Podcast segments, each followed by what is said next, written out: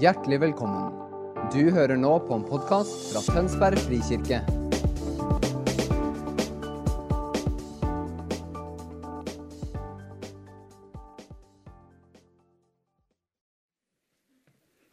Har dere det greit? Kan du bare kjenne det fantastiske nærværet? Når du har Jesu nærvær, så har du alt. Har du alle ting og ikke har hans nærvær, så har du ingenting. Og Jeg satt og tenkte på det bare i et lite øyeblikk. Jeg satt og smilte. Thank you, Paul. Jeg satt og smilte og bare Både Paul og meg hadde et veldig sterkt møte bare under lovsangen og den siste sangen. Han fikk et, et møte bare der han var oppe på trona og fikk se trona. Og Det jeg fikk se når jeg så på lammet, og begynte å synge om lammet og I et øyeblikk så fikk du bare se lammet. Når jeg så lammet, så så jeg Jesus på korset. Men i øyeblikket bare begynte jeg å se Jesus på korset. Og wow, det lammet. Der har du Jesus som begynte som ei løve. Han begynte som ei løve som ble ei lam, slik at vi kunne få være lam som blir løver. Men man blir løver med lammehjerter Så når Jesus var der på korset, der ser du det lammet. Og den prisen som da han forlot himmelen som en løve og kom ned på denne jord til å være et lam for igjen å få være med og reise opp oss som kan få være lov til å være løver.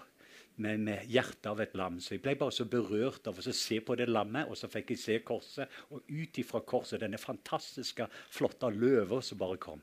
Og Jeg bare kjente egentlig det løvebrølet. Det gjorde noe dypt i min ånd. Så det har vært en veldig stor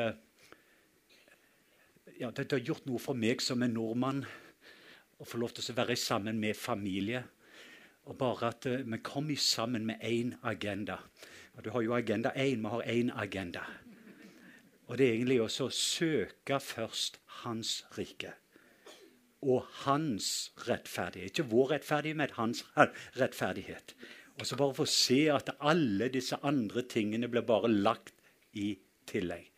Det er egentlig, eh, Hvis vi bare prioriterer Vi skal bare søke først. At vi, vi søker først. Vi søker først deg, du Jesus, ditt rike. At du skal få regjere på alle områdene i våre liv. Og så skal vi din måte å leve og elske på. Din rettferdighet. Og så skal vi få lov til å si at alle disse andre tingene blir bare lagt i tillegg. Det blir bonuser, og det blir velsignelser. Så jeg bare kjenner hjertet mitt det er en veldig takknemlighet. fordi eh, jeg vet at det er nok personer i dette rommet til å være med og skape en forandring i denne nasjonen. Eh, det skal ikke så veldig mange personer både dere har møtt Paul og så sett eh, Paul som var bare én person. Det er så mange andre kunne bare tenke meg på. Bare vanlige personer. Så fikk jeg et møte. Fikk se ansiktet. Når de fikk se hans ansikt, så fikk de se deres ansikt. Og De fikk høre historien om Paul i går, i 2006. Jeg glemmer det aldri. Da han fikk et møte med Guds ansikt, så fikk han se sitt ansikt. Og Når du får se hvem du er, så får du begynne å se annerledes på kona og arbeidsplassen. Alle områdene i samfunnet forandrer. Du ser egentlig ikke på Norge slik som Norge er, du ser på Norge slik som du er. Men de fleste av oss vi vet ikke hva type briller vi har før vi har sett Guds ansikt. Så hvis du skal justere synet slik at vi får jeg kaller det kristologiske briller Det var et litt sånn vanskelig ord. Jeg snakker ikke så godt norsk sånn som Morten gjør. Så til og med når jeg lytter på Morten, så bare tenker jeg på altså, wow, Hadde jeg hatt halvparten av det ordforrådet på norsk, så hadde jeg vært en veldig rik nordmann. For Når jeg lytter på og bare kjenner at en del av de ordene som kommer til kort fra hjertet mitt, blir bare så fullt av ting som jeg ønsker å uttrykke. Og Spesielt når vi snakker om hans ansikt. Og Jeg, jeg begynte å le litt for meg. Jeg tenkte på, eh, jeg syns litt synd på Paul av og til. for det, Første gang jeg tok han med til Norge, så tok jeg han med hjem til min mor i Haugesund. Og min favorittmat det var egentlig kumle. På Sørlandet så har du gjerne komper. og Jeg vet ikke om det er raspeballer på Østlandet. jeg vet ikke hva det er med. Men det er noe lignende men med kumla, Så når jeg kommer hjem, så lager min mor kumla til meg. Så Min mor hadde fulgt på med lammekjøtt og kumler og pølser, alle disse tingene på tallerkenen. Paul han prøvde å se på denne maten og lurte på hva det var. Og så sier jo Paul dette er sånn en himmelrik mat. Og han lurte på så Jeg sier this is kingdom food. Og det var tre dager etterpå han fant ut hva det betydde. Så vi satt på konferanse på IMI der i sammen, og så plutselig ser en bevegelse ved hele Paul. Og da var det alle disse svære kumlene som bevegde seg fremdeles. Han lurte på hva dette her var for noe. Så sier jeg jo det at når du har spist dette, så begynner det å bevege seg helt til de tar over deg. altså. Det er sånn. Og så var vi oppe, så lurte han på hva var dette her for noe. Og det er sånn norske jus som gjør at du blir sunn. Og Paul fulgte opp et glass med jus, og så var det tran. Så jeg vi bare drikke det veldig fort, men du blir veldig sunne. Norske barn blir aldri syke. Så han tok et helt glass med tran og helte det i. Så. så at Paul blir med meg tilbake til Norge, det vet dere er et kreativt mirakel.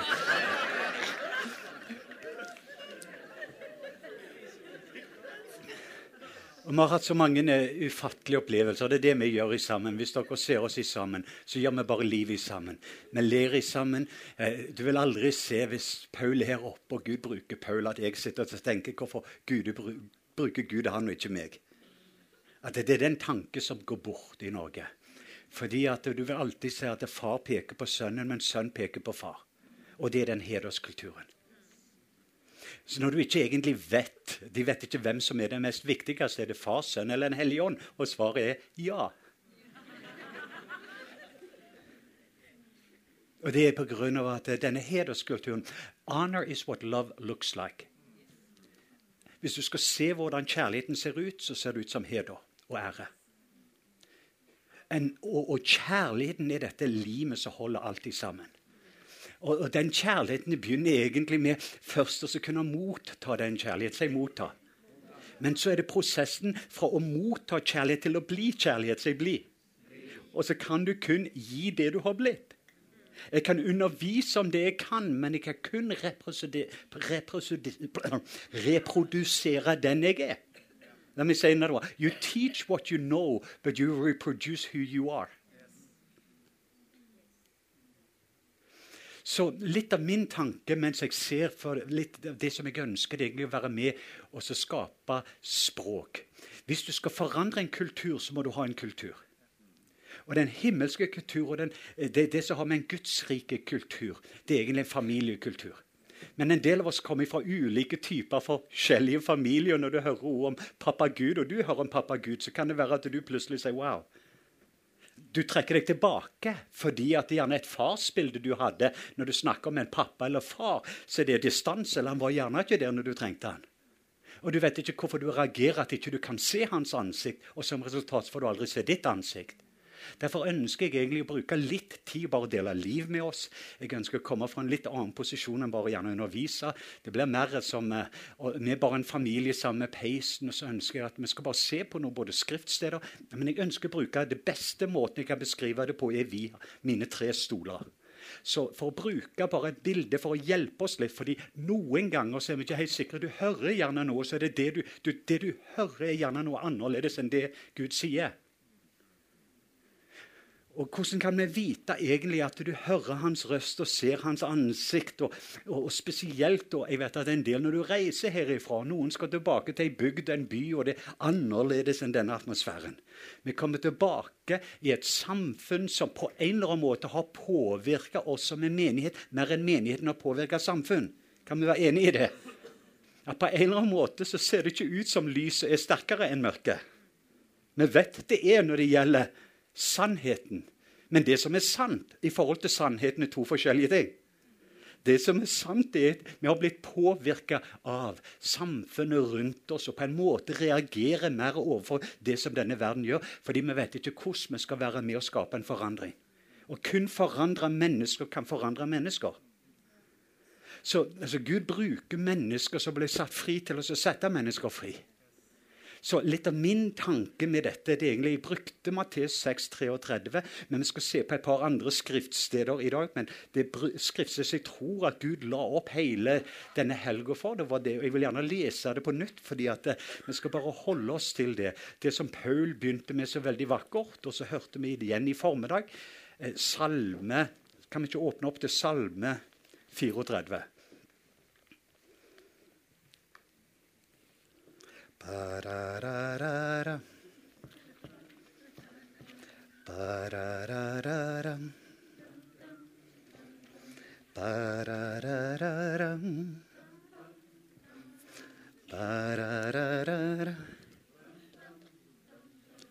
Receive my love. Receive my joy. Vet du hva du gjorde? Når du hviler, så tar du imot. Når du tar imot, så blir du. Det du har blitt, får du lov til å forløse. Med en gang vi kan bare få oss inn i hvilen, og du kommer inn i en plass, så kan du få ta imot. Og så begynner vi å ta med mottar kjærlighet. Man blir kjærlighet, vi gir. Og du kommer deg inn i denne fantastiske, flotte strømmen. Så Salme 34, og jeg tror på engelsk så vi det var vers 5, men nå vers 6. Det er første gang jeg har lest dette på norsk, så nå har jeg veldig veldig stor tro at jeg skal klare det. Jeg søkte Skal vi se Er det den? Jeg søkte Herren, og han svarte meg. Han fridde meg ut fra alt jeg fryktet for. De Og nå kommer det til vers 6. De, si de, så opp til ham. Og på engelsk så de som så hans ansikt. De så opp til ham, de strålte. Si de strålte. Hva strålte de av? Hva strålte de av? De så, så opp til ham, de strålte av glede, og ansiktet rødmet ikke av skam. Paul, how do you say it in English? The ones that The ones that look to him, they are radiant. And you will not find shame in their face. Når du ser på han, at du løfter blikket opp Jeg har egentlig en bok til og med på norsk angående det. Og den minner meg på det verset uten å tenke på det i dag. Og det egentlig har med et himmelsk perspektiv. Jeg brukte tre år på å egentlig gå gjennom en enkel ting som hadde fordi I USA så var det to sosiologer fra Amerika de reiste rundt omkring i USA. og De til og med studerte de menighetene som hadde størst menigheter. Men så fant de noe veldig rart. At det var ikke bare der du hadde de størst, størst menigheter og mest menighetsvekst. og Dallas var den byen som hadde mest menigheter og mest folk i menigheten. Men på en eller annen måte så hadde ikke det påvirka samfunnet. Så hvis ikke det er mer lys, så burde lys ta bort mørket. Hvis vi skal være salt, så burde det egentlig forandre et samfunn på en eller annen slags måte. Men når du egentlig har det, det som jeg hadde gjerne tro, at da har du mer folk frelst, og mer folk på møte, og mer folk i menighet, og mer menigheter, så burde samfunnet blitt bedre.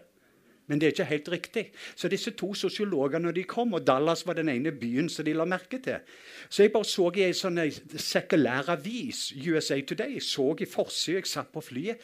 Og jeg bare fikk tårer i øynene mine. For det, artikkelen og boka egentlig heter 'The Four Kinds of God in America'. Og Hovedsakelig det de sa, at det, det er fire forskjellige bilder som amerikanere har om Gud. Men når jeg begynte å lese om bildet som USA hadde om Gud, så la jeg merke til noe. At på en eller annen slags måte de fleste personer i USA har et bilde på Gud som ikke ligner på Jesus. Og hvis Jesus er perfekt teologi. Hvis alt det Jesus gjorde, var å komme for å vise oss akkurat slik som Gud ser ut Og hvis du har noe gudsbilde som ikke ligner på Jesus, så er det på tide å sette spørsmålstegn. Så hvis vi skal se på hans ansikt og alle de forstyrra bildene, vil forstyrre måten man ser på seg sjøl. Og da vil man ikke se riktig på den verden som er rundt oss. For eksempel et lite bilde som kom til meg, og det var da jeg begynte å skrive den. Jeg brukte tre år på denne boka. For det gjorde noe i meg da jeg bestemte meg. ok, Hvordan ser egentlig Gud ut? Og det begynte jeg å bruke en prosess. Hvordan ser Gud ut? Hvis jeg skal se på hans ansikt, så vil ikke jeg se meg i speilet uten jeg har sett en Gud som ligner på Jesus. Det var derfor det var så fantastisk når jeg så på lammet. Og fikk se lammet, så fikk jeg også se lammet i meg. Men så fikk du se på løva, for lammet blir en løve, og løva blir til et lam. Og Det er jo derfor vi synger om dette fantastiske, at Jesus er he is the lamb of God, but he's also the lion of the tribe of Judah. Disse fantastiske bildene av hans ansikt. Så dette begynte mi, mitt løp og min reise på hvordan ser du Gud. Hvordan ser Gud deg? Hvordan ser du på mennesker? Og hvordan ser du på framtiden? Det forandrer til og med på endetidssynet mitt. Alt det som jeg trodde jeg hadde sett i Bibelen, når jeg plutselig fikk et bilde på Gud som ligna på Jesus, måten jeg så på alle skriftstedene, forandra seg. Og Det var kobla til dette budskapet med de tre stolene. Så nå trenger deres hjelp. Dette er stol nummer én. Hvilken stol er det? Å, la oss prøve en gang til. Stol nummer én. La oss gjøre det på engelsk, da. Chair number one. Ja, det var bedre på engelsk. Stol nummer to. Chair number two. Å, dere er flinke. Stol nummer tre. Stol nummer én, og det jeg skal gjerne bare beskrive på en veldig enkel måte. Jeg skal prøve å få ting sammen. Stol nummer én det dreier seg om et kristenliv. Hvis du er i stol nummer én, så er det alt om the kingdom of God. Himmelriket eller Guds rike. Da vil jeg bare du skal si det meg. Si 'kingdom of God'. Si Guds rike. Si himmelriket. De personene som lever i stol nummer én, de søker først Guds rike. De lever i denne dimensjonen. Det er egentlig to ord. Det ene er covenant, det andre er kingdom. Det ene har med familie, den andre har med misjon av den familien. Det driver med relasjon, og ut ifra relasjonen så begynner de å leve det livet som kommer ifra den relasjonen. Så stol nummer én, Jeg skal bare beskrive det livet til deg. fordi at det, det som har skjedd, De fleste kristne visste ikke engang at stol nummer to eksisterte. De trodde det ikke kun stol. Dette har blitt så normalt at når det normale skjer, så tror man det er unormalt. Kan jeg si det en gang til? Så stol nummer to er en annerledes. Der er det kingdom of self. Si kingdom of self. Så de personene som lever i stol nummer to, har selve meg. Det dreier seg om meg. Jeg har en venn av meg som skrev en fantastisk sang. En av disse fedrene i lovsangsbevegelsen i verden. Han heter Lenny LeBlanc. Og en av de sangene han sang There is none like you. Husker du den? No one else can touch my heart like you do. Men personene i stol nummer to There is none like me. Give me, touch me, bless me, fill me, me, me, me. Det dreier seg om meg. Og jeg kom egentlig til Jesus, det han skal gjøre for meg. Og Hvis ikke så fører dette til skuffelser, for det dreier seg om meg. Meg, meg, meg, meg. Og Hvis ikke jeg liker, hvis ikke denne menigheten gir det, så går jeg til en annen som skal møte mine behov. For alt dreier seg om meg. Og så har du en verden og de fleste personene som lever i verden. Og egentlig, nå skal jeg bare være ærlig, nå jeg er nordmann, jeg er en av dere. Jeg har kun norsk pass. Om jeg har vært i USA i 27 år, så er jeg en nordmann. Så nå er jeg her for å si at det er en Gud som er veldig glad i Norge. Det er en Gud som har tro på Norge. En Gud som ønsker at Norge skal tro på Han like mye som han har tro på Norge. Jeg vet at mange av dere tror på Jesus, og den, det øyeblikket du har tro på Jesus, så blir du frelst. Men det øyeblikket at Jesus har tro på deg, så blir du forandra. Kan jeg si det en gang til? Jeg sier Det øyeblikket du tror og tar imot Jesus, så blir du frelst. Du blir født på ny. Men i det øyeblikket at du vet hvor mye Jesus har tro på deg, så blir du forandra. Han døde ikke på korset for å gjøre deg verdifull. Han døde på korset fordi du er verdifull.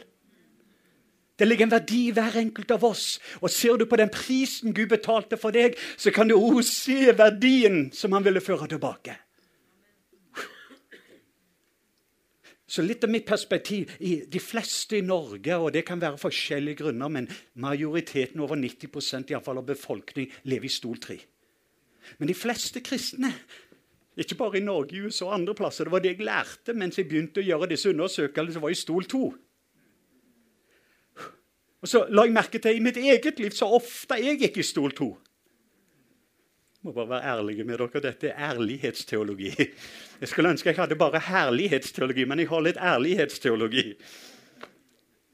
Og Vi skal gå fra herlighet til herlighet, men da må vi vite forskjellen på disse to stolene.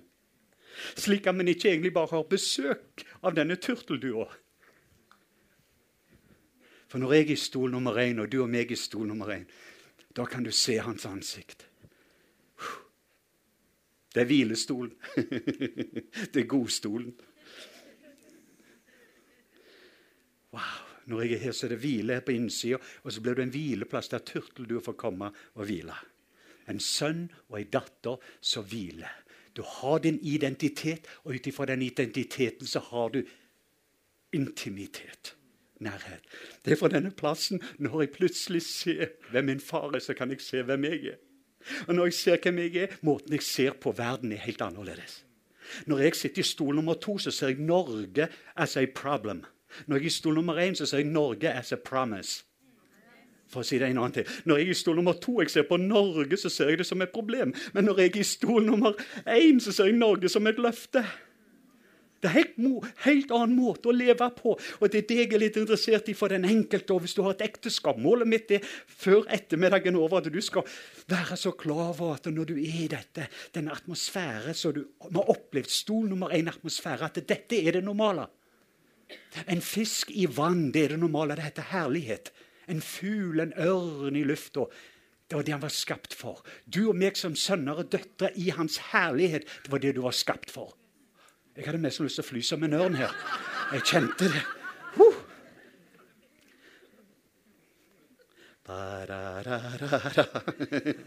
Uh. Du så vi løfta trosnivå der et lite øyeblikk.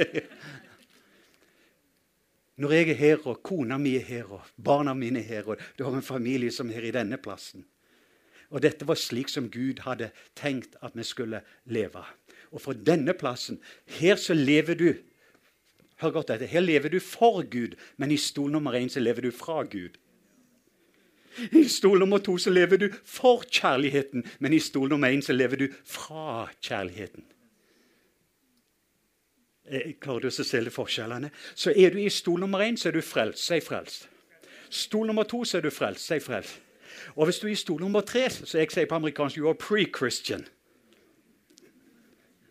Jeg sier Hvis du er i stol nummer to, eh, stol, stol nummer tre, så har du bare Du, du er nesten født på ny. Du bare vet ikke om det ennå.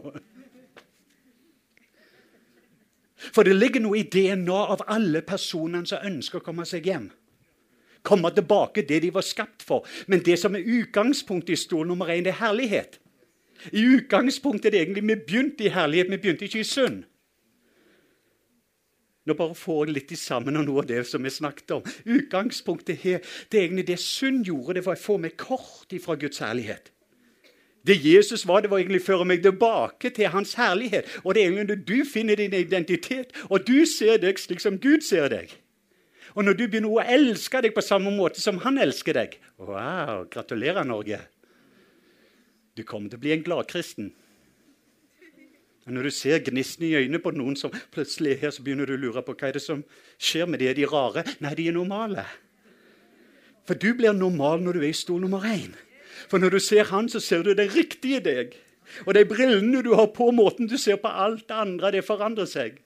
Så utfordringen vi skal ha i dag, det er egentlig når vi hører på Morten på en så veldig vakker måte snakke om både disse fantastiske nøklene Jeg har satt ei åpen dør foran deg. Og Når du er i stol nummer to, så ser du ofte det som er problem, istedenfor en invitasjon. Og Her skal du prøve å finne ut hvordan du skal gjøre det. Og du fokuserer alltid i stol nummer to på det du skal gjøre. Fordi hvis du gjør det, da har du det. Og hvis du har det, så blir du. Men stol nummer én er helt annerledes. Her er av 'jeg er'. Av den jeg er, så har jeg. Og av det jeg har, så gjør jeg.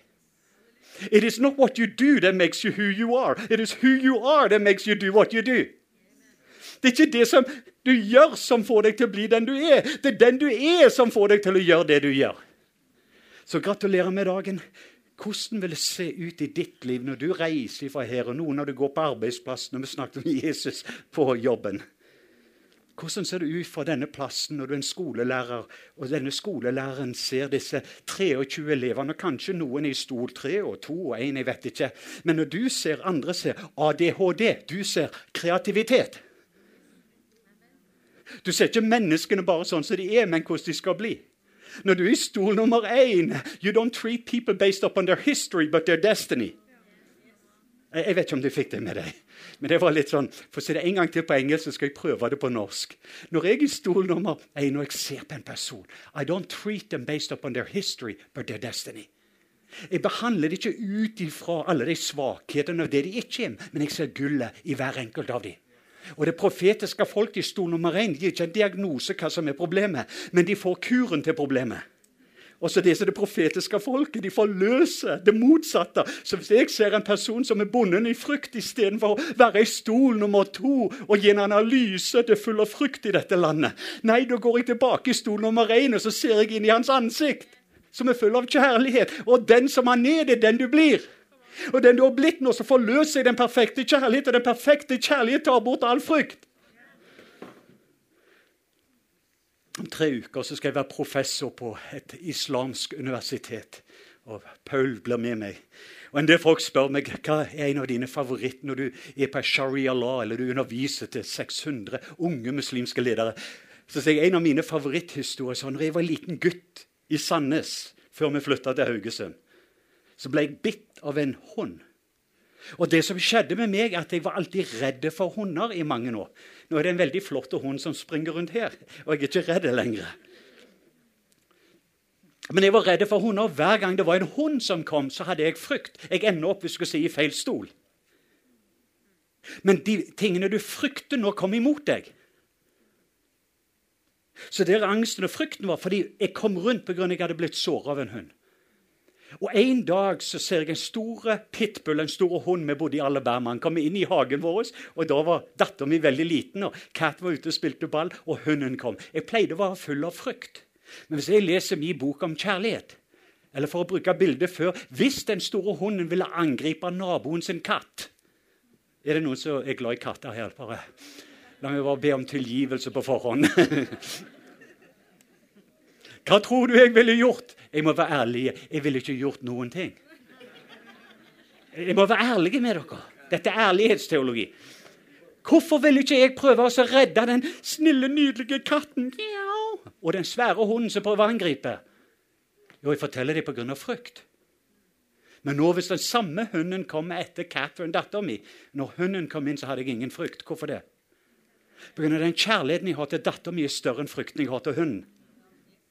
Det er den første historien jeg forteller. Så jeg sier Is it a love of law, sharia, or is it law of love?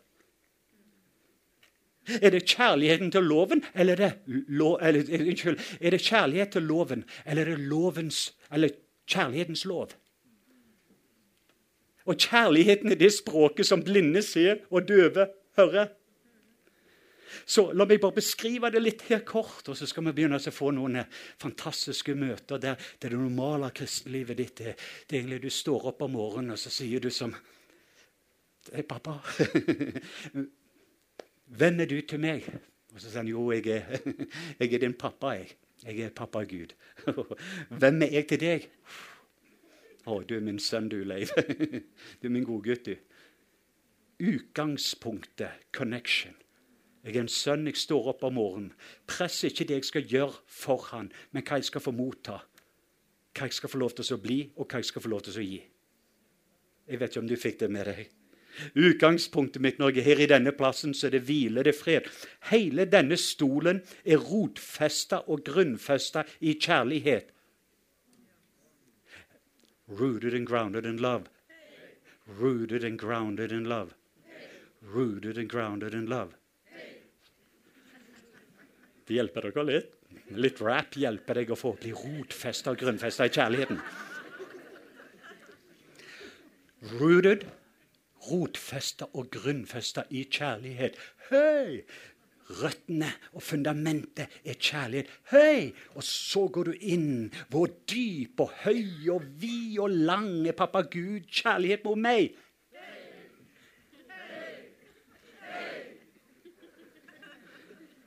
Rooted and grounded in love. Rooted and grounded in love.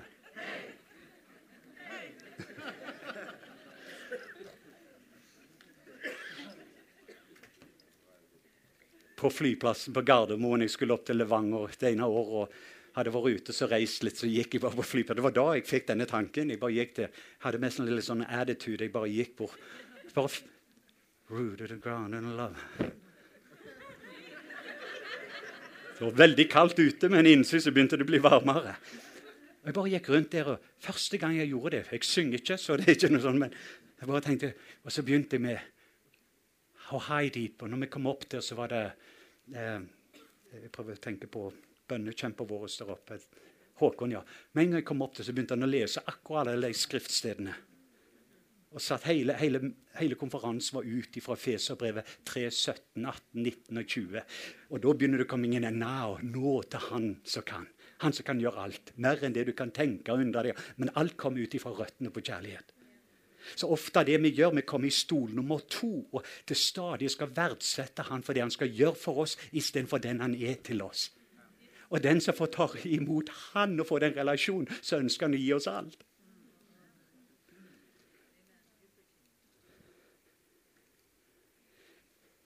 Så store, min store drøm er å se hvordan ser en stol menighet ut. Hvordan ser det ut når du har 400 unge filippinere i 2006 i desember som går inn i denne plassen og blir én menighet? Og hvordan får du når menighetene i menigheten blir én menighet i en by? Og hva hvis du har tolv plasser der de kommer sammen? Wow, stol nummer én!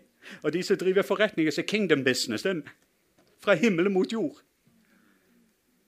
Ikke bare frelst så du kan komme til himmelen. Men at det, det er ikke bare det du er frelst ifra, men det du er frelst til. Vi har gitt folk et halvt evangelie. Vi har fokusert at du skal bli frelst fra din synd, men du har ikke blitt frelst til et hjem. En plass av trygghet, en plass av kjærlighet. En plass der du kan få begynne en relasjon, den samme relasjon som Jesus hadde med sin far. Går det greit? Så nå vil jeg bare fortelle en liten bibelhistorie som du kan, men nå ser du perspektivet. Kan du se forskjellen? Når jeg er i stol nummer én, så hører jeg Guds røst. Når jeg er i stol nummer to, så er det så veldig mye bråk rundt meg. Er dette Gud, eller er dette djevelen, eller er dette meg sjøl? Det er ikke det at ikke pappa Gud taler, men jeg må gå gjennom min sjel for å berøre min ånd. Men når jeg går tilbake, I repent. Si repent. So I go back in the penthouse where I belong. Repent. La meg prøve å gjøre det på norsk. Men hvorfor vil du leve i kjelleren når du kan re? Re betyr gjøre det på nytt. Pent. Pent er penthouse. Pent er toppetasje bak oss brygge i toppleiligheten. Så hvorfor ikke gå tilbake der du får se på livet ut ifra slik som pappa ser det ifra hans hjem? Å leve ifra den plassen der du har trygghet, der du har kjærlighet, der du opplever hans nærvær, der du føler hans kjærlighet. Du går ikke til kjærlighet på de feil plassene. Og Jeg har ikke engang begynt med hvordan skal du forandre 1,6 milliarder muslimer og hinduer. og hvordan Norge skal bli forandret. Vi har ikke snakket om det. For det jeg er interessert i det jeg vet med en gang, hvis vi kan få stol nummer én ut av livet ditt. Wow! Så kommer du til å se det som pappa Gud har venta på. Men det som er problemet er hvis jeg begynner å fokusere det er det vi skal gjøre, så gjør vi det fra denne plass. Så du kan ta pilene fra denne plassen. Du skal presse inn fra denne plassen. Du skal gå hjem og prøve å finne ut av hvordan du skal gjøre det, istedenfor hva du skal få være. Så cut your to do list in this season and put your to be list. Ikke lag en liste av alt det du skal gjøre når du skal komme hjem, men bare lag denne lista av hvem du er, og hvem du er i Han. Wow! Men vær forsiktig. Du kan bli en gladgutt og ei gladjente.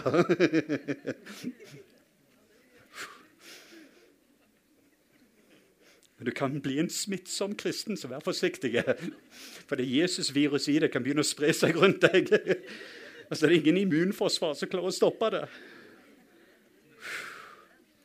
Her er det ikke vanskelig for meg å ha bønn og være sammen med ham, for det er kobla den som jeg er sammen med. Det er den jeg ønsker å bli lik.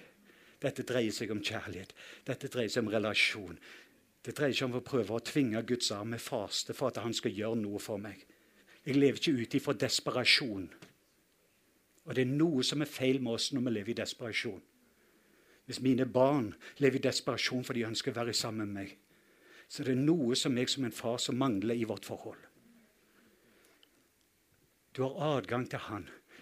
Men det jeg ønsker når skal hjelpe oss i dag, det, det, er mitt ønske. For de tingene som om igjen og om igjen har fått meg inn i denne stol nummer to.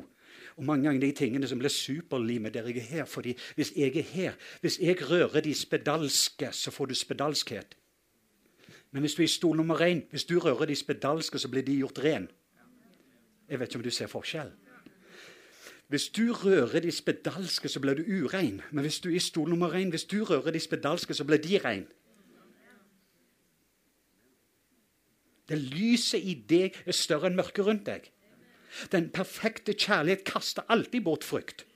Problemet er fienden gjør alt i stol nummer én er kjærlighetsbasert. Alt i stol nummer to er fryktbasert. Går vi inn i røttene om det gjelder skam eller det gjelder skyldfølelse, gjelder det alle de problemene. Og over 90% av de fysiske sykdommene som vi ber for, de kommer pga. stol nummer to. Det er fremdeles 10% som vi må be for. Men hvis vi kunne bare få folk i en atmosfære som vi fikk høre i en atmosfære Vi har sett det så mange ganger. Vi skaper lignende det vi fikk oppleve, men vi har den atmosfæren i hjem og andre ting. Det du vil bare se i den atmosfæren, så skaper det Det blir legedom, det blir frihet. Wow! Vi må fremdeles gjøre en hjerteoperasjon av de tingene der vi ikke lever for et helt hjerte. Og så begynner vi ikke å nå er du i stol nummer to.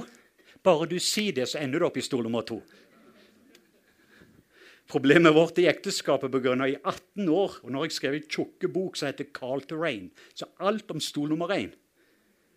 Så nå har jeg personer som sier når du er i trafikken Og så har jeg plutselig en av barna mine som sier 'Pappa, hvilken stol er du i akkurat nå?' Så vær forsiktig, for Deception is very deceiving. Og Vi vet ikke alltid om man tror man er tilbake, men det er et øyeblikk som hun nevnte. Derfor tror jeg det er så viktig med noen av de praktiske tingene vi bare gjør. Wow. Turteldua. Hvile. Begynner dagen jeg en sønn. Wow. Se hans ansikt. Høre hans røst. Føle hans kjærlighet. Wow. Pappa leve i hans nærhet.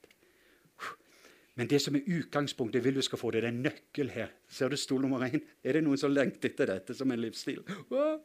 Men i stol nummer én det er egentlig I am well pleased with you. Før du har gjort noen ting. Så begynn dagen med I. I am. I am his. I'm his beloved. I'm his beloved son og daughter. Og når du damer hører sønn og åndelige fedre, dere er inkludert. Det snakker ikke om kjønn. Så når du hører far, så er det både mann og kvinne skapt av oss. Og når du hører sønn, så er døtrene like mye inkludert som jeg er brud. Og jeg skal være Kristi brud for evighet. Men du får lov til å være sønner nå bare for midlertidig. Så hver gang du hører, ikke prøv å gå i stol nummer to over språket. For du er inkludert. It's the spirit of sonship. Dette er den adopsjonsånden som ikke dreier seg om kjønn når du hører språket. Så Hver gang du hører det, så vil jeg bare med en gang at dere damer er det er meg. Så bare la oss si det sammen. Si 'Jeg er en sønn', alle damene. Si 'Jeg er en sønn'. Jeg må snakke bokmål her. Og alle oss mannfolk sier 'Jeg er en brud'. Jeg er Kristi brud. Så vi kan få lov til å være brud, og dere er sønner. Rooted and grounded in love. Rooted and grounded in love. Jeg har tid, tid egentlig å gjøre det som jeg ville. Nå har jeg bildet. Nå har vi det, alt det som du så med Paul i går kveld. Det du så i dag morges. Alle budskapene. Det vil du skal gjerne nå for å få se bilde på det. Og I neste øyeblikk, når du hører en del ting og du merker hvor er den hvilen? Hvor er den uroligheten nå? Hvor er den turteldua? Hører, hører ikke hans røst så klart lenger. Hva var det som skjedde? For turteldue er veldig var. Altså på amerikansk sier There I have the dove, here I have pigeons. Det er en annen type fugl, og de lager mye. Og så klarer vi ikke å høre den stille stemmen. Så det er en annen stemme. Har Gud virkelig sagt? Wow. Å, du ble helbreda. Hvordan føles det nå? Når du er i denne stol, så ser du hvor stor Goliat er. Men når du er i stol nummer én, så ser du hvor stor Gud er. Og alt det fienden gjør, dette vil du skal vite, dette er hele kampen. Alt han prøver å få oss til det, å bli i stol nummer to. Og Når jeg står i denne stol nummer to, måten jeg ser på deg, er helt annerledes. Måten jeg ser på kona mi, helt annerledes. I stol nummer én alt det dreier seg om connection. Because love connects. Fear disconnect. Det fienden ønsker egentlig brytes opp, så jeg sier til kona Det er din feil! Du støtter meg ikke! Nå har jeg vært trøtt og reist og alt dette. Mens hun sitter der og trenger Hun har behov for å være sammen med meg. Og før du vet det, så er vi to stykk her. Men så bruker denne mirakelneglen. Kan du tilgi meg. Stol to. Jeg opererte ikke ut ifra kjærlighet. Det dreier seg om hva du gjør mot meg. Du kan ikke få meg ut ifra stol nummer én. He is not giving you a spirit of fear. Han har ikke gitt deg denne frykten sånn, men kjærlighetskraft og sindigheten sånn. De tre tingene. The kingdom of God, Guds rike, dreier seg om å spise og drikke, but righteousness, peace and joy in the spirit. The kingdom is in the spirit. Guds rike er i Den hellige ånd, og når du er i Den hellige ånd, ut ifra denne plassen, så er det hans rettferdige glede og fred som flyter ut av livet ditt. Hvordan vet jeg hva stol du er i hvis jeg går og så klemmer deg? Og jeg hopper på å klemme deg. Det som er i deg, til å komme ut. Og jeg vet at Hvis du er i stol nummer én, så er det bare kjærlighet og glede og fred når du klemmer noen som kommer ut av livet deres. For de er forankra, og frykten av Den hellige ånd kommer ut i livet deres. For de som er leder av Guds ånd, nei, leder av Guds ånd, de er Guds sønner og døtre. Men den farløsheten sånn som får oss inn her Og hvis du så for Paul og vi var i Kristiansand i sammen på mannskonferanse, Vennesla. Ja, vi var i samme mandårs. Og Så hadde jeg en gruppe, og han ene mannen sa jeg vet ikke hva som foregikk, men de hadde denne kjærlighetsdåpsopplevelsen. Men når jeg kom hjem, så sa han alt det motsatte skjedde. Og jeg sa bra. Han sa ja, jeg vet ikke hva det er, alt den angst og frykten. Bare, jeg har aldri hatt så mye sinne som kom ut av meg. Så jeg, men det er kjempebra. Men han forsto ikke det som skjedde, at på denne mannskonferansen så fikk han et kjærlighetsfrø som gikk inn slik han ble rotfesta og grunnfesta i kjærlighet. Og så begynte kjærligheten å vokse fram. Når kjærligheten vokser fram, så går frykten ut. Angsten går ut. Sinnet har alltid vært der, men han trodde det var normalt før. Han ble forandra fra innsida. Det heter covert revival. At du går unna radaren, går inn og forandrer fra innsida ut. Et klasserom, et samfunn. Og når han begynte å se, så var han så velkommen. Det er litt mer frykt og bortfrykt for mer kjærlighet. Og Så kom han inn i den atmosfæren der han begynte egentlig å ta imot mer. Opplevde forandring. Et utrolig mirakel tok plass i hans familie. Ekteskapet ble forandra. Wow. Barna begynte å bli forandra. Kjærligheten begynte å flyte. Kraften begynte å operere. Men det fienden gjør, han trykker på den knappen av frykt, angst, tidligere ting fra fortida. Rett tilbake her. Og så i neste runde så sier han du gjorde det igjen. Der gjorde du det igjen. Så begynner han å slite deg ut i denne stolen. Og så er det du imot fienden. Istedenfor at du da raskt kommer hjem til pappa Gud, klatrer på hans fang. Men hvordan skal du gjøre det hvis han er en sint Gud? Og en humørsyk. If God is bipolar. Hvis Gud er mer bipolar i natur. Det var den Gud jeg tjente helt til jeg var helt til år 2000. Jeg hadde besøk i stadionet på konferansen i stol 1, men når jeg kom hjem stol 2.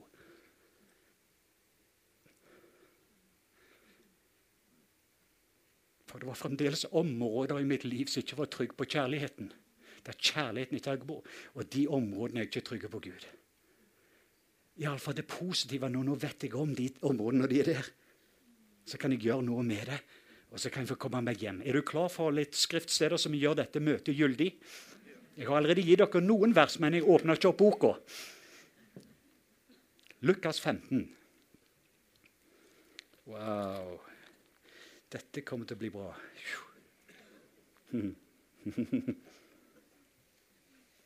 Vi kan historien, så jeg skal bruke lite tid. Denne historien begynner egentlig med at det var en gruppering som lurte på hvordan kan Jesus så Lukas 15 begynner, hvordan kan Jesus være den han sier han er? Hvordan kan Jesus være stol nummer én? Hvordan kan han være Guds sønn, siden stol tre, siden syndere likte å være sammen med Jesus. Syndere og tollere likte å være med Jesus. Det er det store spørsmålet. Hva er det som egentlig gjør at du, Jesus, hvis du er den du sier du er, hvordan kan denne verden ønske å være rundt deg? Fordi bildet de hadde på Gud, når du tenker mye på, som jeg tror var problemet til 90% av oss Iallfall måten som jeg hadde det, egentlig at Gud kan ikke tolerere synd, fordi han er en hellig Gud. Hvor mange vet at Gud er en hellig Gud? Jeg, jeg, La oss ikke stille spørsmål til hans hellighet. Ok, Så Gud er en hellig Gud. Men det som jeg hørte, Gud kan ikke tolerere synd. Han er veldig sint på synd. Det var derfor han sendte Jesus, for å redde deg fra den synda. Denne måten å tenke gang var egentlig så hadde jeg superlim i stol to. Så bildet jeg hadde på Gud, og når jeg følte det var områder i livet mitt som ikke ligna på Jesus, var det det fienden trykte for å holde meg borte fra pappa Gud. Istedenfor at den tryggeste plassen du skulle komme, det var egentlig tilbake til Gud. Å leve en livsstils av omvendelse. Og bekjenne da, og raskt komme hjem. Så vi skal se på dette. så Det var det utgangspunktet. Og Så begynner Jesus, for han visste hva de tenkte, og så begynner han egentlig å beskrive tre historier. Og Billy Graham han sa at dette, jeg tror det beskriver hele bildet av det som vi har snakket om disse dagene. Det store bildet ble beskrevet her. Og Så forteller han denne historien hvis du husker dette med hurden som hadde 100 sauer. Er du i stol 2, så vil du si at Jesus, hvordan kan du forlate 99 for å gå etter den ene? Er du i stol nummer 1 og du tenker familie Hvis en av oss mister noe, så mister oss alle noe. If the enemy attacks one of us, he attacks all of us. Fordi vi er en familie.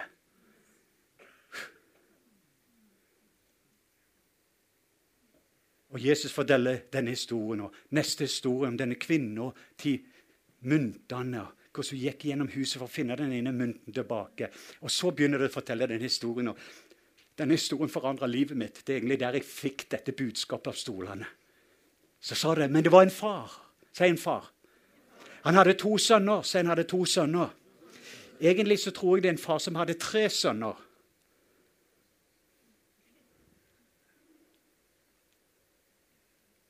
Den ene forteller historien om sin far og sine to brødre. Og Du kan lese om de i rødt. Det Jesus gjør, det var en far som hadde to sønner. Han hadde ikke to syndere.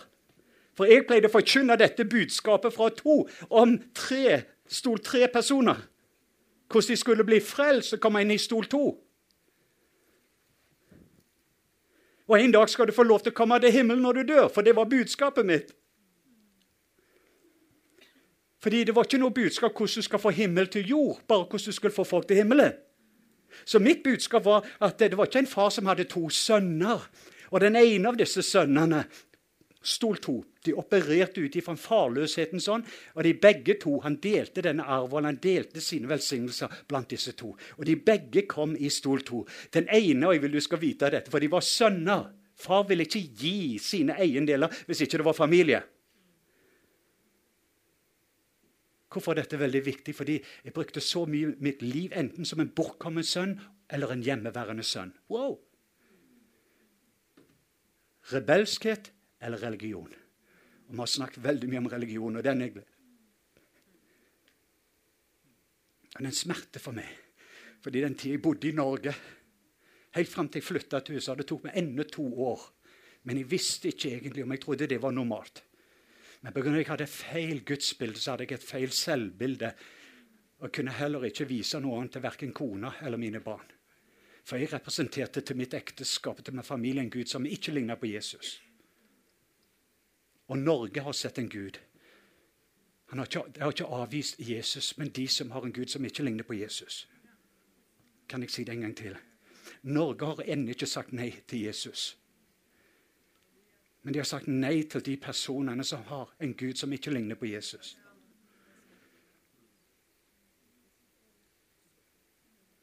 Og Jeg er ikke her for å peke pekefingeren her til å se meg i speilet. Jeg er her for å invitere oss som får komme hjem.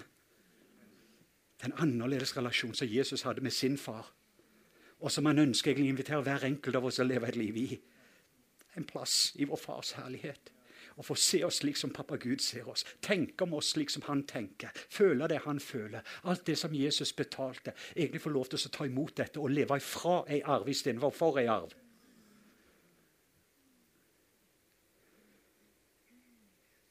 Bruke denne historien. Det er bare et par lette bilder, så skal vi få en herlig opplevelse. Før dagen er over, så skal vi ta og fjerne stol to ut av livet ditt. Er ikke det bra? Og Jeg sier ikke at du ikke besøker den. Jeg har vært der siden jeg kom til Norge. Jeg har vært her siden jeg kom til konferansen. Men jeg var der bare i fem minutter. Det er ikke den jeg er. Det er sant, det jeg følte, men det er ikke sannheten. Sannheten setter meg fri. Den som Sønnen setter fri, er virkelig fri. Jeg skal ikke se på feil karakterbok. Her utgangspunktet er du har toppkarakterer før du tar eksamen. Så du kan ha det moro under eksamen. Og hør godt etter, Du skal se dobbelt så mye helbredelser i Norge den dagen du kom i stol nummer én. En av de første tingene jeg gjorde når vi kom på Filippinene i vår familiesammenheng, det er egentlig at du har lov til å tråkke ut av båten og gå på vannet og synke. Jeg gir deg tillatelse å synke. Men vi prøvde å sterilisere før en kultur her, istedenfor en frihetskultur. For den som sønnen setter fri, er virkelig fri. Men nå den som sønnen og døtrene setter fri, de blir virkelig fri. Det er egentlig en kultur av frihet. Where the spirit of the Lord is, der Herrens ånd er til stede, der er det frihet. Så En av de første kjennetegnene er hvor fri er du, og hvor fri vil du være? Verken den bortkomne sønn eller den hjemmeværende sønn var frie. De hadde forskjellige lenker. Den ene hele tida sleit med synd. Og hvis vi fokuserer på synd, sin management instead of glory management Det vi prøver her, egentlig å passe på folk sine synder. Vi fokuserer på synd istedenfor herlighet. Hvis du skal gå fra herlighet til herlighet, så betyr det at utgangspunktet det er herlighet.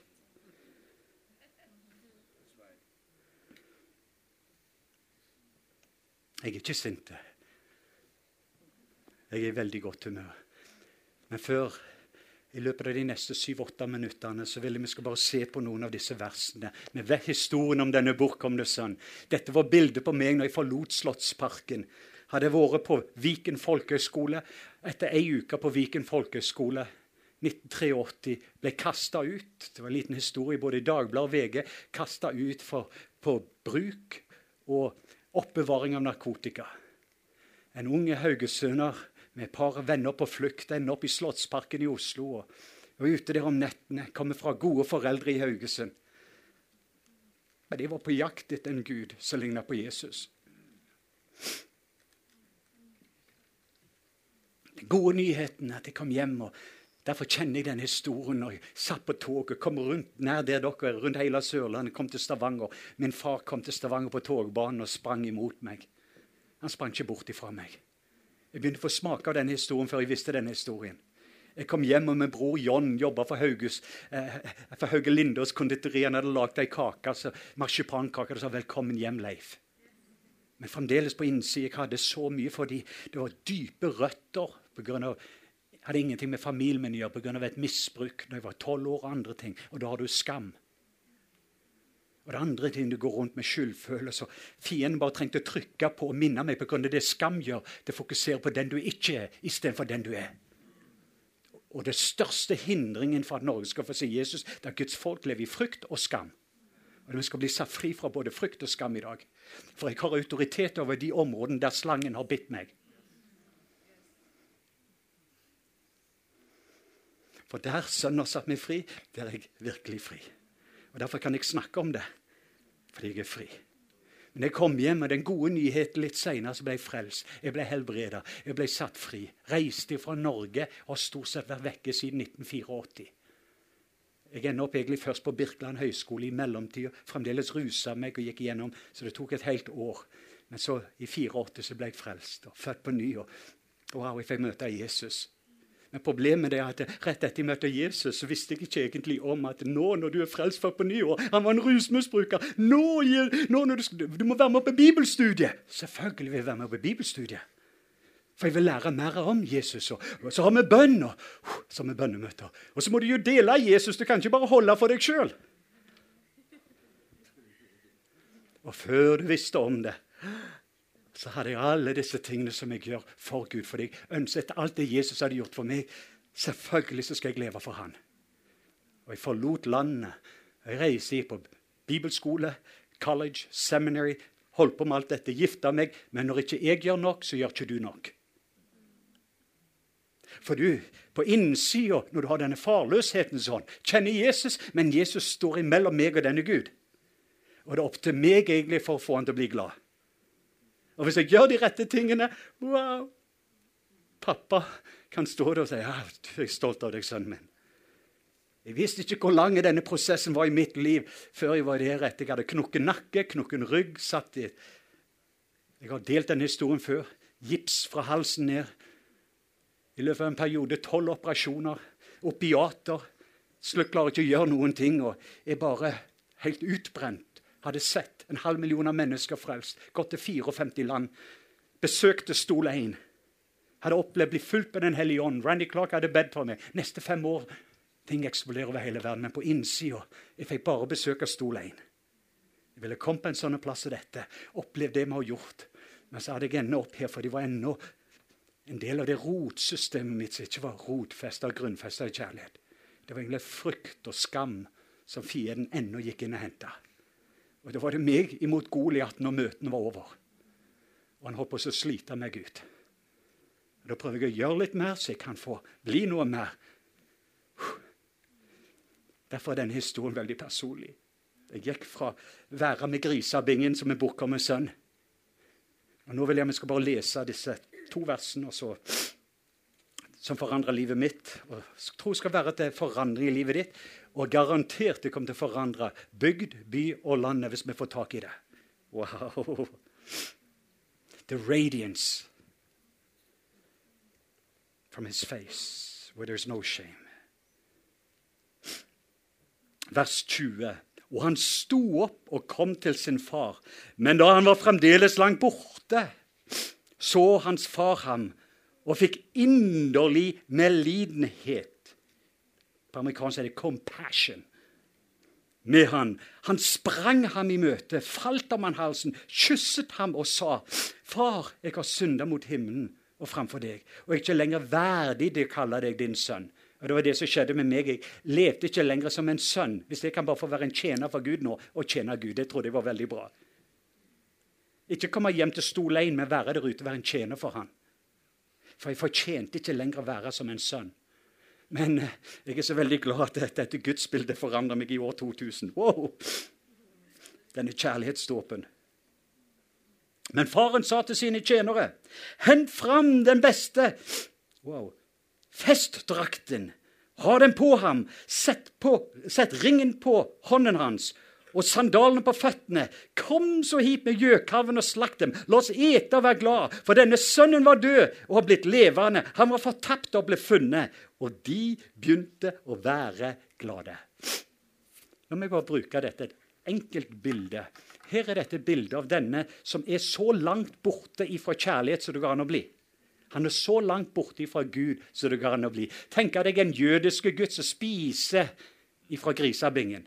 Jøder spiser ikke engang gris. Og han spiser maten av gris. Det Gud ønsker å beskrive noen som er så langt vekk fra Gud som det går an å være, men er fremdeles en sønn. Faren så han som en sønn. Han så seg som en synder. Det var problemet. Og hva er det syndere gjør? De synder. Og Det er gjerne sant, men det er ikke sannheten. Sannheten det pappa sier om deg. Og den sannheten vil sette deg fri. For hvis ikke jeg har et riktig gudsbilde, så får jeg aldri et riktig selvbilde. Og når jeg ikke har et riktig selvbilde, så får jeg aldri et riktig verdensbilde. Og heller ikke et riktig fremtidig bilde. Når jeg står og ser her i framtida, så er det bare full av håp. Når jeg ser på Pakistan og stadion om noen få uker vi skal være der, ser på disse muslimske lederne Når jeg er her i denne plassen, så er det full av frykt. Jeg har et problem. Når jeg bare kommer hjem og jeg ser Guds ansikt, så ser ikke terroristen Saul, men apostelen Paulus. Alt forandrer deg når du ser hans ansikt, for du ser dine øyne annerledes. Og måten du ser på verden, blir annerledes. Så i dette bildet Dette er så fantastisk, så nå lander vi dette. Men bildet på far Bildet jeg hadde i religion, det er at far vender seg bort. Og så er det opp til meg. Jeg må bli rein for å ta et bad. You have to be clean to take a bath. Det mener jeg du må få alle disse riktige tingene på plass for oss å komme hjem. For, for far er redd for synd. Men det er et helt feil gudsbilde, for det er helt feil Jesusbilde. Hvorfor var det egentlig at Jesus berørte syndere? Syndere elsker å være rundt Jesus fordi at far elsker å være rundt syndere. Og alt Jesus gjorde, var det han så sin far gjøre. Alt han sa, det var han hørte det hans far sa. Og Nå sier jeg ikke at Gud ikke gjør noe med synd. Han gjorde det med Jesus. Men det jeg sier angående synd, det jeg la merke til, og fremdeles i dag, når jeg synder, så er det ikke det egentlig at, at pappa vendte vekk fra meg. Jeg merker at jeg har vendt bort ifra han. Og Jeg vil ikke at noe skal separere meg fra hans herlighet. Motivasjonen min er Gud. Nærhet. Ansikt. Når jeg er her, så klarer jeg ikke å se hans ansikt. Det er så mye tåke. Og jeg klarer ikke heller å se hvem jeg er i denne plassen. Jeg klarer ikke å høre hans røst, for det er så mye bråk. Og Det første jeg gjør, er at jeg flytter meg hjem. Det er ikke pga. noe feil med Gud, men det er egentlig at noe Og når jeg legger merke til at Gud ikke snur seg bort fra meg, men han snur seg mot meg Det var bildet. Gud Det står at 'he was looking'. Gud så. Leste du det? Han så ikke vekk ifra ham, men imot ham. Gud i neste runde løp, og for å ha en jødisk far så løfta opp kappa si så du kan se beina med soppa på. Det er ulovlig! I Midtøsten du viser ikke beina dine offentlig, men det er helt umulig. Og det greske ordet for å springe var ikke egentlig bare å løpe litt, men det var å springe. Han sprang ikke vekk ifra han, for han er redd for synd. Han sprang imot han. Ja, men du sier, man har omvendt. Nei, det har han ikke lest i Bibelen. Den kommer seinere, for det er Guds godhet som fører mennesker til omvendelse. Og Hvis ikke vi får oppleve den godheten her, så vil ikke den verden få oppleve hans godhet. Vi vil heller ikke se en ekte omvendelse fra synd.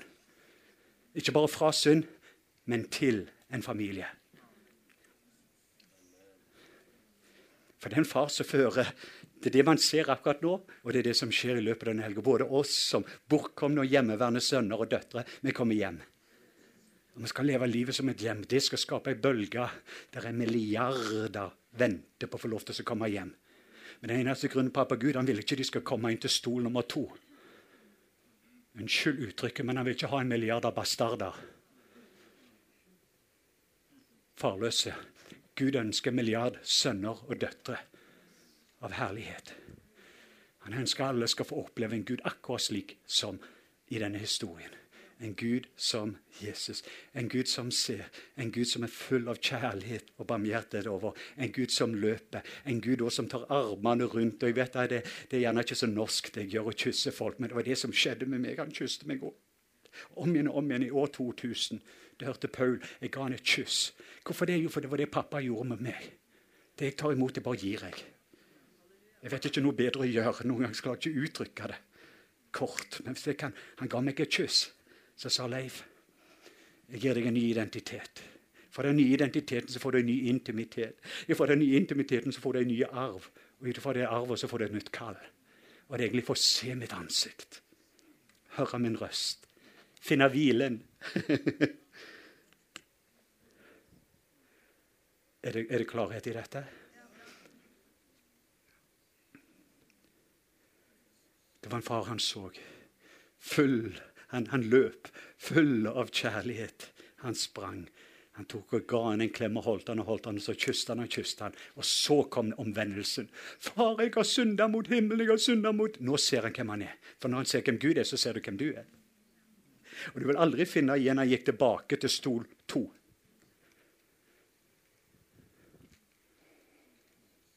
Jeg gjerne besøker stol to, men med nye hjem er stol én. og jeg skal ikke gå bort ifra og si nei. Det er sant, jeg har vært i stol to siden jeg kom hit. Men sannheten er det ikke den jeg er.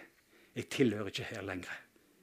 Og jeg kommer hjem til en far som ikke var sinte på meg, men en far som har tro på meg. Og når jeg har tro på en Gud som har tro på meg, så kan jeg gjøre alt, så kan jeg drømme med han. Og så begynner jeg å se alle de tingene som han har.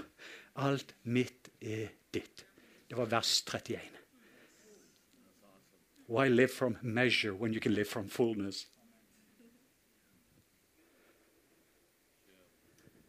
Kan vi få time opp? Jeg vet ikke om jeg klarte å få uttrykke det på en klar måte. Men jeg vil at hver eneste nordmann skal få oppleve en Gud akkurat lik dette. Men for at det skal skje, så vil jeg ha hver eneste person her. Er det noen her som sliter med stol to av og til? La meg få se. Hvordan vet du om det? Det er ikke lenger hvile. Hvordan vet jeg om hvis du er i stol nummer to? Du kjenner rastløsheten og rotløsen. Hvordan vet jeg det? Du hører ikke hans røst. Det er så mye bråk. Hvordan vet du her? Det er ikke fred. Den fred som overgår all forstand, er kjennetegn. Når jeg ikke er her, så kjenner jeg det. Kona vet det. Barna mine kjenner til det. Paul vet det. Litt av hans store oppgave å passe på når vi skal til Pakistan, at jeg ikke blir i stol to, for vi blir drept.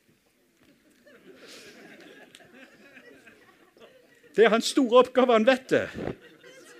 For det har, vært øyeblikk der de har stått der med, maskinpistol klar for oss å ta med, men det, hvis ikke jeg hadde hørt den lille stemmen som sier 'få bilen til å kjøre en annen vei'. Det har vært så mange ganger. Men hvis jeg er her, så klarer jeg ikke å høre, for det er så mye bråk og terrorister og eksplosjoner. Og... Så sier jeg, 'Paul, kom på rommet mitt. Jeg er livredd stol to.' Men jeg lever ikke i frykt. Men bare pass på at jeg er rotfesta. til det er denne lille gutten, ikke apostelen fra Norge. Det er en sønn med ei turteldue.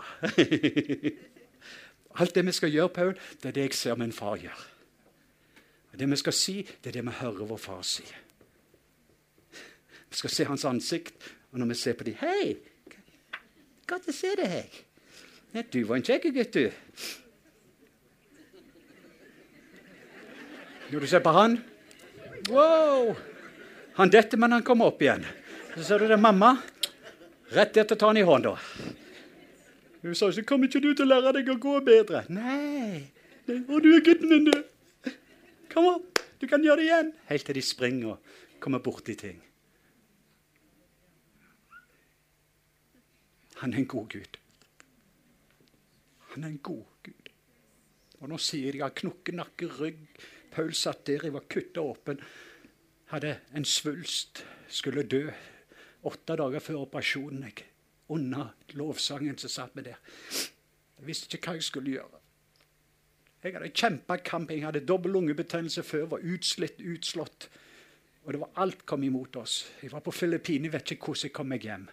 Enda opp på sykehuset. Det var når de fant svulsten og tok av 23 kilo og gikk gjennom kampen og visste jeg skulle dø. Og det var ingenting jeg kunne gjøre. Jeg ringte min familie og sa Paul kom med meg fordi jeg klarer ikke å se hans ansikt lenger. Det var da jeg ble bleike, og jeg lukta død, og jeg så død. Men Paul kom fra Filippinene. Det var sant jeg hadde denne svulsten. Det var sant jeg holder på å dø. Det var sant, men det var ikke sannheten. Og sannheten setter meg fri. Så jeg sa Paul kom, og Paul og de kom. Jeg lå, når jeg lå på sykehuset og de ga noen gaver, men vi var på rommet under møtet, under lovsangen i dag, så tok jeg meg inn i denne plassen, inn i Guds nerver, sånn som vi har gjort her. Jeg lå der svak og var kald, og han lå der han bare lå der. Slutt så sa han, og da hadde jeg hørt det fra hele verden, men det betydde ikke noe. Men han sa 'Pappa Leif'. Daddy Leif kaller han meg. 'Du kommer ikke til å dø'. Så tenker jeg, det er et godt ord. Over hele verden 'Leif, you're gonna live and not die'. Du hadde disse ordene, men jeg trengte noe mer. Jeg trengte et møte med hans ansikt. Hvis jeg klarer å se hans ansikt, så har det ikke noe betydning. Men jeg kunne ikke se, jeg kunne ikke høre, så jeg trengte noen andre. Og det er det vi trenger hverandre i familie. Og jeg visste iallfall at jeg har en familie, så det er noe dypere på plass enn å redde livet mitt. Vi redde livet til hverandre. Så kommer det så til slutt. Jeg bare se deg i speilet. Jeg er bleik og prøvde min svake gå bort og se på speilet. På mikrotonen når jeg ser speilet, så lyser ansiktet mitt som ei sol. Ansiktet mitt lyste for å være helt blekt til lyste. I det øyeblikket visste jeg jeg kan ikke dø. Helt umulig. Og jeg gikk inn og hadde operasjon. Jeg har et arr. 17 cm arr her. Men når de kom om, så var han plutselig gikk ifra å være ondarta til å være godarta, og så sank han 2,2 cm bare på de dagene. Det var på en måte også, Jeg har et arr for ansiktet Gud. Så med en gang jeg står opp om morgenen, så ser jeg det arret. En minnestein på hans ansikt. Men på familie og det vi snakker om her, dette budskapet. Kan vi ikke vi reise oss opp og Først ønsker jeg også å be om tilgivelse til alle de som har misrepresentert Gud. Alle de som misrepresenterte en far. alle de som på, Da snakker jeg på vegne av meg sjøl. Når jeg var i Norge, så forkynte jeg et budskap fra stol 2. Men det var, på grunn av, det var det eneste budskapet jeg kjente til. Jeg visste ikke hvor god han var, og jeg visste, heller ikke hvor elska jeg var. Men jeg ønsker å be om tilgivelse til min familie i Norge, for jeg planta frø til personer som sa at du må gjøre de rette tingene for at han skal akseptere deg totalt.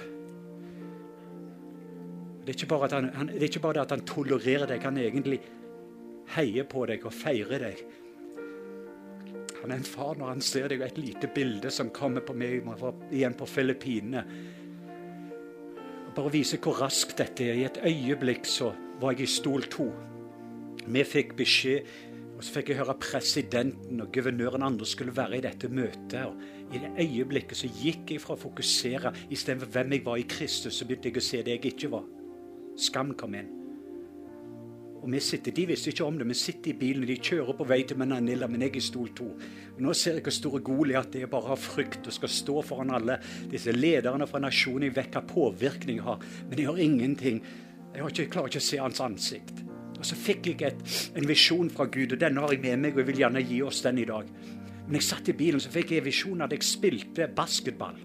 Og Det visste jeg var veldig rart, for jeg kan ingenting om basketball. Men jeg spilte basketball, og så så jeg på kurven, så var det 89 til 87. Og det laget som kom mot oss, svarte trøyer, svarte bukser, svarte sko, jeg visste det representerte motstanderen sitt lag. Og vårt lag hadde et internasjonalt lag av nordmenn, filippinere Afrika. Det var mest en mirakel at vi hadde skåra 87, og de hadde 89. For de var svære spillere. Ballen ble kasta til meg, og det var bare noen sekunder igjen. Og jeg skulle prøve å kaste ballen. Og et øyeblikk så hører jeg 'Hei!'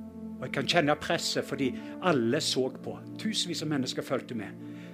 Det var kamera, TV fulgte med. Jeg visste verden følger med. Hva kommer til å skje nå med denne Leif Hetland som har fått denne ballen? Kommer Guds rike å vinne, eller mørkets rike? Det hjalp ikke presset mitt. Men så var det egentlig akkurat når jeg skulle kaste denne ballen, så hører jeg 'Hei! Hei!' Så ser jeg opp. Så er det en flott mann som sier 'Hei!' That's my son Leif! Woo!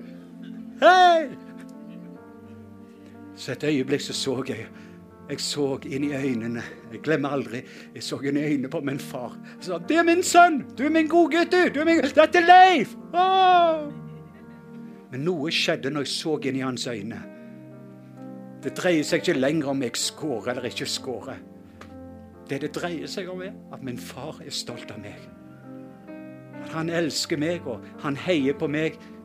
Det dreier seg ikke blir denne personen helbredet. Kommer vi til å vinne? Kommer vi til å klare det eller ei? Det er ikke det det dreier seg om. Men før jeg ser ut her på den, så har jeg sett der. Men du kommer til å ha to ganger så mye profetiske ord og helbred. Du kommer til å se dobbelt så mye hvis du ikke lever fra pressure but pleasure. Hvis man ikke lever fra dette presset, hva man skal gjøre men egentlig bare velsignelsen at det, Wow! Pappa!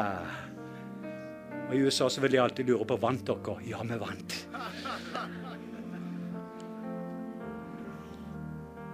Men det var ikke det det dreide seg om. Når alle publikum de var begeistra, vi reiste der Jeg talte, jeg tror det var 15 minutter eller noe. Men det var ikke der jeg fikk verdien min. Jeg hadde noe nettopp som sa Leif. Jeg så deg nettopp tale på en av de største konferansene i verden. Hvordan, endelig så har du nådd det målet. Hvordan må det ha vært? Jeg, Verdien min har ikke noe med om jeg taler på den konferansen. Fordi Hvis den konferansen er god, så får jeg gjerne godt humør. Er den dårlig, så får jeg dårlig humør. Konferanser kan gå. Min verdi er å være en sønn. At jeg har toppkarakter før jeg kom på konferansen. Åh! Av pappa. For jeg har sett hans ansikt. Wow! Jeg har hørt hans røst, hva han sier om meg. Jeg vet hva andre sier, men jeg har hørt hva min far sier om meg, og det er sannheten. Og den sanne har sett meg fri. Og den som Sønnen setter fri, han er virkelig fri. Det er på tide å få fjerna denne stolen ut av livet ditt. Er det noen her som ønsker å bli kvitt? Ja, det Anders, skal vi bare ta det inn og få se litt på pappas ansikt, det blikket? Wow! Høre pappas røst igjen. That's my boy. That's my girl. Du gjerne besøker Stol 2 et øyeblikk, men det er ikke den du er lenger. Kom hjem.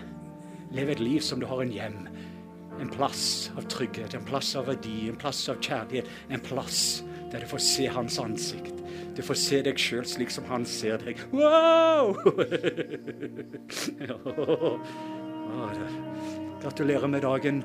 Hvis jeg kan få de som forbereder andre for å komme her. Men jeg bare la oss få ta et par øyeblikk. Paul, kan du komme opp her? Jeg tror Pa?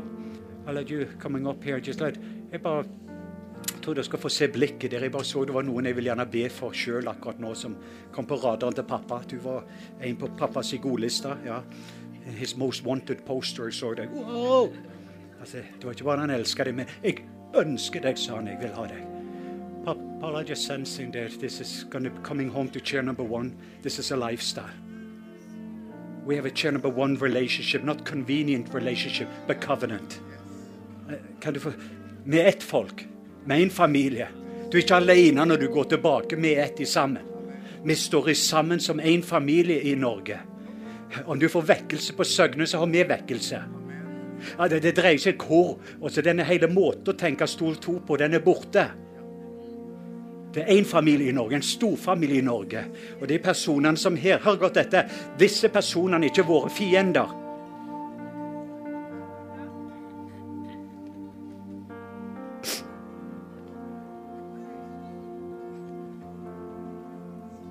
For meg så har det ingen betydning om de, hva politisk parti de er en del av.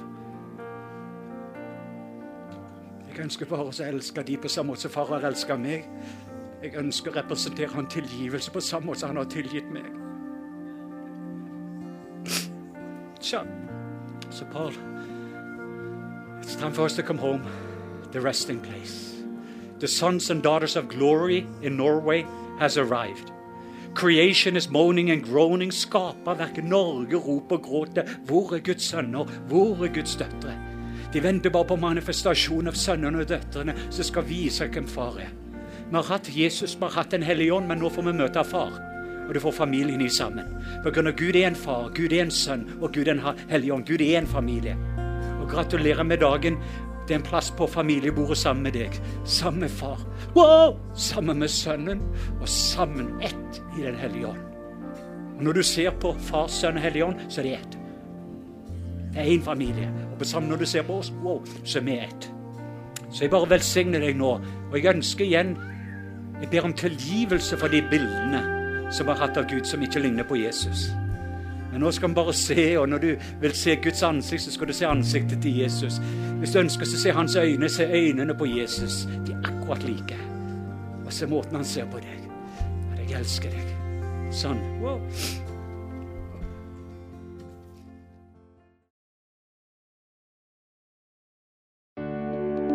Takk for at du hørte på vår podkast. Har du spørsmål eller ønsker du å vite mer? Søk oss på vår nettside tonsbergfrikirke.no. Du er også velkommen til kirke på Brygga i Tønsberg.